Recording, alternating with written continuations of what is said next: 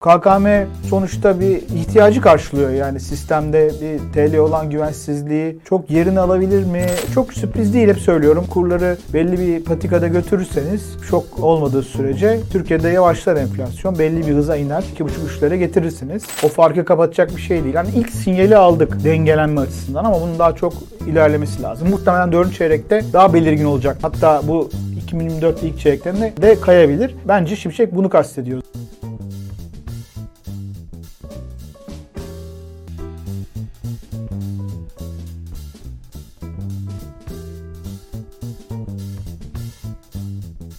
Haluk Bey merhaba, hoş geldiniz. Hoş bulduk. Nasılsınız? Teşekkür ederim siz.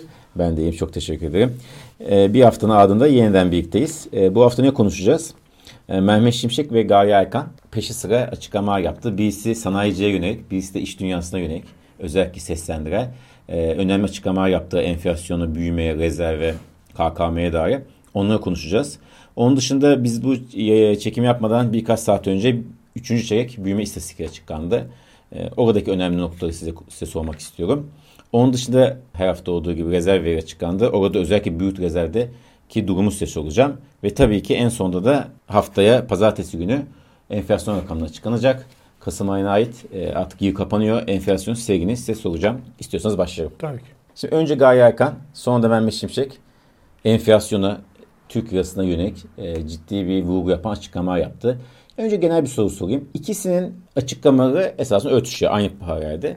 Siz nasıl görüyorsunuz bu iki ismin bu açıklamalarını? Yani bize yakın geleceğe yönelik ne mesaj veriyor? Aslında yani son dönemdeki gelişmeler paralel diyebiliriz. Ee, özellikle Merkez Bankası Başkanı'nın açıklamalarında TL'ye geçiş vurgusu biraz daha öne çıkıyordu. Tabii ki doğal olarak enflasyon ve para politikası duruşu o oraya ilişkin gayet e, güçlü bir şekilde verilen mesajlar vardı. Hatta enteresan bir kelime kullanımları vardı. Bunlara biraz bahsetmek lazım e, ne anladığınızı. Şimşek'in bugünkü açıklamalarında da daha geniş bir perspektif vardı. Hem vergilerden evet. tutun işte alınabilecek önlemlere ilişkin daha geniş perspektif vardı. Fazlaca yeni bilgi var mıydı gidişata ilişkin? Yoktu. Hani böyle çok yeni duymadığımız bir şey yoktu.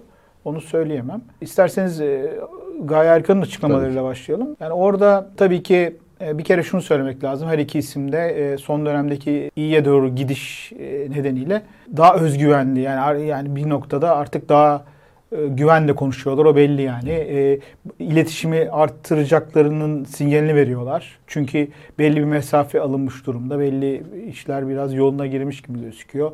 Kredibilite Merkez Bankası'nın artıyor gibi gözüküyor. E, dolayısıyla daha güvenli şekilde konuşacaklardır. İletişimin artacağını düşünüyorum. E, burada o yüzden e, özet olarak baktığımızda Hafize Gaye Erkan'ın en önemli şeyi değişik gelen bana mesela neydi? Algı, itibar, kabul üçlüsünden bahsedip dezenflasyonun maliyetiyle bağlantı kurdu. Bu enteresan bir cümle bence. Ee, güçlü mesaj aslında çok güçlü ve sadece orada sanayicilere konuştu ama aslında bütün topluma bir mesaj verdi. Yani demiş oldu ki e, bizim enflasyon patikamıza güvenmezseniz bunun maliyetini toplum olarak daha fazla para politikası sıkılaşmasıyla öderiz gibi ya da daha yüksek faizle öderiz gibi. Bize güvenin hani bundan sonraki planlarınızı, kararlarınızı e, enflasyonun daha iyi bir noktaya geleceğini ya da işte kendi tahminlerine diyelim 36 veya işte ondan sonraki inanarak fiyatlamalarınızı yapın, gerekirse indirim yapın gibi bir mesaj. Güçlü bir mesaj Güçlü. ama tabii ki çok kabul görür mü, çok etkisi olur mu? E, o kadar kolay değil tabii. Onu söyleyebiliriz. Benim hani e, burada gördüğüm en önemli şey buydu Sayın e, Merkez Bankası Başkanı'nın açıklamalarında. Bir de Türk lirasına vurgu yaptı TG geçiş konusunda. Evet. O cümleyi dinlerken kaçırdım ama şöyle hani zaten vadeli mevduat kısmı artıyor falan gibi bir şeyler söyledi. TL'ye geçiş zamanı falan gibi bir şey dedi galiba. Tam orayı evet. kaçırdım ben başlık olarak gördüm. Onu Merkez Bankası Başkanı'nın söylemesi çok doğru gelmedi bana açıkçası. Yani sonuçta bir portföy yönetim tavsiyesi gibi bir şey oluyor. Yani ama denebilir ki öyle demek çok eğer böyle dediyse çok doğru gelmedi ama şu denebilir. TL'nin daha cazip olmasını sağlayacak e, her türlü karar alacağız falan türü şeyler denebilirdi. Evet o da biraz şey konu. Evet, biraz çok hoş değil o. Yani bütün e, odak noktasının bu olduğu da görülüyor. Hatta işte Şimşek'in açıklamalarında da işte e, KKM'de hani belli çözülme oluyor. E, bunu e, bu yükümlülükten kademeli olarak kurtulacağız. Ama işte gerekirse daha hızlandırmak için adımlar atabiliriz dedi. Bu da önemli mesaj. Belki ileri dönük hani mesaj olarak bu okunabilir ama zaten beklediğimiz konular. Tabii tam olarak nasıl geleceğini yeni şeylerin bilmiyoruz. Hani KKM'de genel olarak ilave zorunlu karşılık falan e, gibi şeyler mi gelecek? Yoksa işte gerçi onu reddetti tabii. E, biliyorsunuz son e, torba yasada bir e, döviz cinsi fonlara %40. bir ha, %40'lık bir yetki verildi. O şu anda e, böyle bir şey olacağından değil dedi ama hani e, bir araç olarak Sopa. hazır tutmak istedik. yani sopa da denebilir gayet doğru. Şu anda hani kullanmayı düşünmüyoruz e, ama böyle gerekirse kullanırız türü şeyler söyledi. Ama tabii o herhalde geri dönük olmayacaktır yani e, yeni Tabii. e, şeyler olacaktır. O yüzden hani o anlamda e, döviz tasarruflu olanların bir endişe etmesi için şu aşamada bir neden Yani. yok. Peki Mehmet Şimşek büyüme yavaşlayacak dedi önümüzdeki dönemde. İç talep daralacak dedi. İş insanlarına sesleniyorum dedi. Buna da korkmayın dedi. Bu nasıl yorumluyorsunuz? Şimdi büyüme verilerini de konuşacağız istatistiklerinde. Yani programın zaten omurgalarından biri bu. Yani bu olmadı, onu görmüyorsak zaten doğru yolda gittiğimiz sonucuna varamayız. Ya da şu anda e, sağlanan iyileşmeler kalıcı olmaz. Ne cari açıkta ne enflasyonda. İş talebinin dengelenmesi lazım. Bugünkü aslında büyüme verileriyle de bakabiliriz ona. Mesela bugünkü büyüme verilerinde şöyle bir şey var. Bir kere e, şuna e, yanılmayalım. E, büyüme %5.9 oldu. Daha 3. çeyrekte de hiçbir şey olmamış. Çok güçlü diye yo- yorumlamak yanlış olur. Burada daha çok iş günü sayısının geçen çeyreğe göre çok daha yukarı. O tatil kaymaları falan etkiliyor bayramların kaymaları. Ondan kaynaklı. Yoksa bakmamız gereken çeyrekten çeyreğe değişimlerin kaç olduğu. O da binde 3. Yok yani. Yani çok düşük. Türkiye'nin normal hızında oraya bir yüzde bir civarı görmemiz lazım her çeyrek. Binde üç düşük bir rakam. Dolayısıyla büyüme yavaşlamıştır üçüncü çeyrekte. Aslında böyle okumak lazım. Daha önemlisi özel tüketimin, e, ona da teknik yine bir şey söyleyeceğim ama özel tüketimle milli gelir serisini üst üste koyduğunuzda çok kopmuştu. Yani özel tüketim çok daha hızlı ve tarihi e, fark vardı arada. İlk kez mesela bu binde 3 arttı dediğim milli gelire karşılık özel tüketimin aynı çeyrekte %1.7 daraldığını gördük. Yani ufak da olsa ama çok ufak bu yani hiçbir şey değil. O farkı kapatacak bir şey değil. Yani ilk sinyali aldık dengelenme açısından ama bunun daha çok ilerlemesi lazım. Muhtemelen 4. çeyrekte daha belirgin olacaktır. Yani eksilik orada görecektir. Hatta milli gelirde de eksilik olabilir. Yani şimdi 3. çeyrek bile binde 3 ise muhtemelen son çeyrekte negatif göreceğiz. Hatta bu 2024 ilk çeyreklerinde e, de kayabilir. Bence Şimşek bunu kastediyor. Zaten Yaşıyoruz bu- şu anda zaten. Aynen yaşıyoruz. Zaten e, benim de değerlendirmem bugün yazdığım notta milli gelire ilişkin. Bir kere zaten ilk 3 çeyrek e, büyümesi 4.7 oldu geçen yılın 3 çeyreğine göre baktığımızda. Dolayısıyla son çeyrekte bu dediğim gibi yavaşlama devam edecek olsa bile bu, bu sene 4.5 ve üzeri olmayı garantiledik gibi gözüküyor. Bunu zaten uzun süredir söylüyoruz. Ama gelecek sene için orta vadeli program 4 bir e, hedef koymuştu, tahmin koymuştu. Onun da altına doğru gittiğimiz anlaşılıyor. Ama henüz bir ara hani Merkez Bankası'nın çıktığı açı şeylerinde konuşmuştuk. %1'e giden bir büyüme hızını görmüyorum daha henüz oraya doğru o kadar yavaşlama olduğunu ama bir yavaşlama olması gerekiyor. Peki yine şimdi ona büyüme verilerini konuşalım biraz. İç talep 7.7 puan Evet katkı olarak. katkı. Yatırımla 3.4 puan. Doğru. Kamu harcama binde 7. Evet. Net ihracat eksi 2.6. Stokka eksi 3.2. Aynen. Ne demek? Aynı yapı önceki çeyreklerde de vardı. Büyümeyi e, özel tüketim sürüklüyor demek. Yatırımlar biraz hızlanmış demek. E, orada da daha ayrıntısına girdiğimde özellikle makine teçhizat yatırımlarının yanlış hatırlamıyorsam %20'lerin biraz üzerinde bir artış gösterdiğini yıllık görüyorum. İnşaat yatırımlarının da yüzde yine onu da hızlandığını %8 gö- olarak hesaplamıştım. Bunu hani yani hem yatırımlar şey yapıyor hem özel tüketim. Diğer tarafların katkısı daha sınırlı. Ama dış talebin aşağı çektiğini görüyoruz büyümeyi. Bu da şundan kaynaklanıyor. İhracata göre ithalat daha hızlı büyümesi. Zaten bunu dış açık olarak yaşadık. Genelde böyle olduğu zaman büyümeyi aşağı çekiyor. Bence bundan sonraki çeyreklerde artık çekmeyecektir diye düşünüyorum. Çünkü e, dış ticaret açığında bir iyileşmeye görmeye başladık. Stok konusu da o bir bilmece. Yani o stok konusu çok konuşulur. Çünkü o kadar bir stok e, azalışı var ki çeyreklerdir sürüyor. Yani sayısını unuttum çeyrek kadar sürüyor üst üste. Yani ne bitmeyen stokmuş diyorum ben de. Yani bir orada bir matematiksel bir problem var ama onu daha çözmüş değilim. Yani şunu gösteriyor aslında. Sanki hani bu kadar talebe rağmen yıllardır diyelim ka- kaç çeyrek olduğunu unuttum. Sürekli üretim, stoklar üretim değil de stoklar kullanılarak hani e, talep karşılanıyor gibi Gibi. bir şey söylüyor. Yani çok bunu e, bence çok daha girmeyelim derine çünkü analiz etmekte zorlanıyoruz. Ben biz de zorlanıyoruz. Yani eminim ben duymadım da bunu sağlıklı bir şekilde analiz edeni. E, büyümeden okuyacağımız şeyler e, bunlar. Bunun dışında iş gücü ödemelerinin payının biraz toparlandığını gördük. Bunu Evet. asgari ücret e, şeyleri sonrası e, bir gelişme. Yani bence en önemli konusu e, bir yavaşlamanın hani başladığını göstermesiydi yani. Kısaca. Peki yine Mehmet Şimşek'in açıklamasına dönersek. Evet. Kaynak akışı başladı. Yine sizinle çok konuştuğumuz bir konu. Ekonomi gündeminde ana maddelerinden birisi. Ne zaman gelecek bu para? Gelmeye başladı mı, geliyor mu? E, Mehmet Şimşek başladı. Güçlenerek devam edecek dedi özetle. Evet. Bugün de açıklandı bu veriler. İşte hisse senedi piyasası Dips'te. Siz de görüyorsunuz e, kaynak akışı gerçekten başladı mı? Ve güçlenmesini bekliyor musunuz? Ya bir kere e, verileri yakından takip ediyorum zaten. Bu işin iki tarafı var. Bir portföy yatırım vardır. Aslında en çok belki beklediğimiz veya işte e, sınırlı gördüğümüzde ya gelmiyor ne zaman gelecek seçim söz dediğimiz taraf budur. Bir de şu vardır. İşte bankaların veya reel sektörün borçlanmaları vardır. Bir de doğrudan yatırımlar vardır. Şimdi bunların hepsinde bir şeyler görüyoruz aslında. Yani hele ki seçimden sonra bir kere e, özellikle son veride e, Eylül'dü galiba cari açık şey taraflarında. Bankalar ve reel sektörün daha iyi borçlandığını, borçlanmaya başladığını görüyoruz. Yani böyle yüzde yüzlerin üzerinde zaten Şimşek de ona bahsetti. %142 dedi. Evet.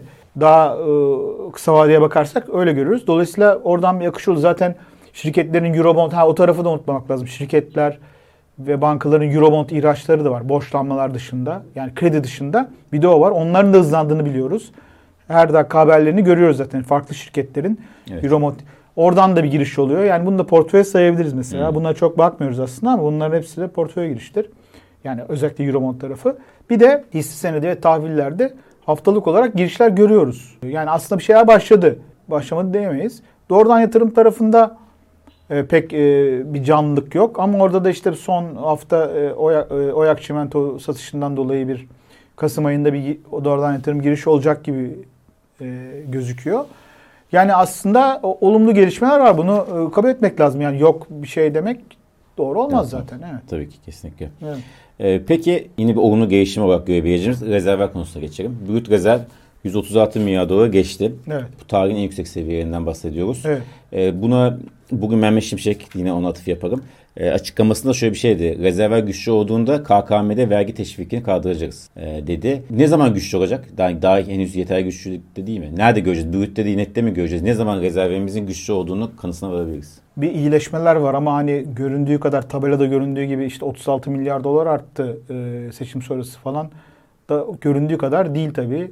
Burada başka faktörler var. Yani işte swap hacminin çok büyümesi var. Bankaların daha fazla işte zorunlu karşılık yatırmaları gibi konular var. O yüzden böyle e, çok saf bir şekilde hani net netlerin arttığı bir dönem değil. Hala netin çok ekside olduğu hesabı yaptığınızda öyle bir şey. O yüzden hatta geçen hafta Şimşek'in e, hangi göstergeyi takip ettiği ile ilgili bir açıklaması da vardı. Onu Bloomberg'e verdiği röportajdaydı.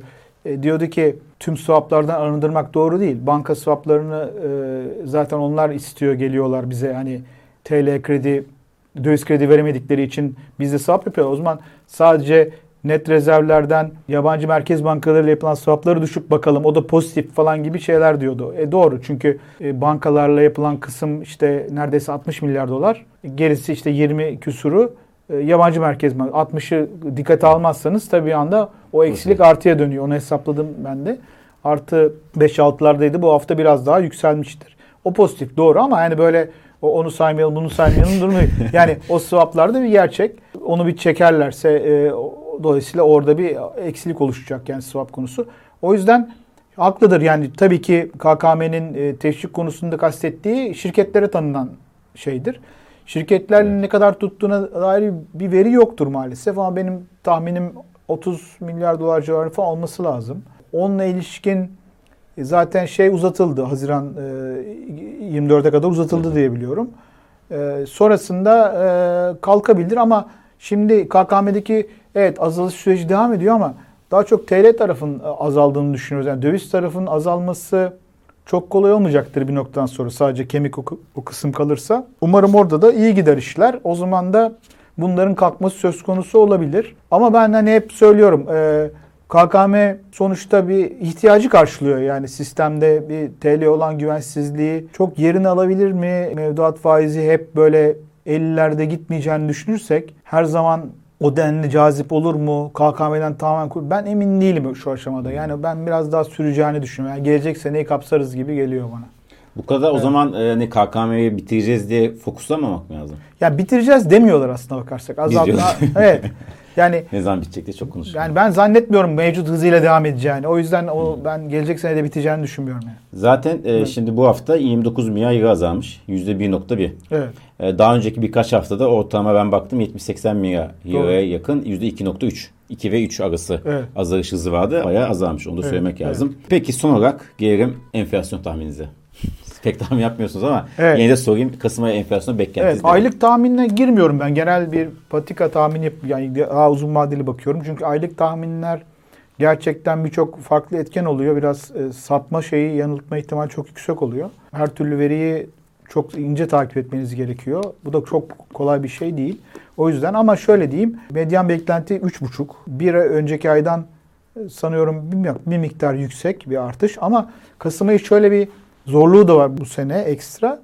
Bu doğalgaz e, e, biliyorsunuz hani 25 metreküp Evet. kadar ücret şeyi e, devam ediyor ama tüketimle e, bağlantılı bir şey olduğu için tüketim hızlandığında ilk başta enflasyonu çünkü aşağı çekti. Geçtiğimiz Mayıs'ta 2 2.4 puan aşağı çekti. Şimdi tekrar onları yukarı doğru çekeceği dönemdeyiz. Yani normal mesela Merkez Bankası eski tüketim kalıplarıyla tahmin yaptığında Kasım'da mesela yıllık enflasyona katkının 1.7 puan olacağını Hmm. düşünüyordu. Yani hiçbir şey diğer her yer sıfır olsa yıllık enflasyon 1.7 artacak diyordu. Ama 3.5 tahmini o kadar bir artışa işaret etmiyor piyasa şeyi. O yüzden biraz belirsizlik var diyebilirim. Çünkü tüketimi kimse çok öngöremez yani onu e, Merkez Bankası dahil.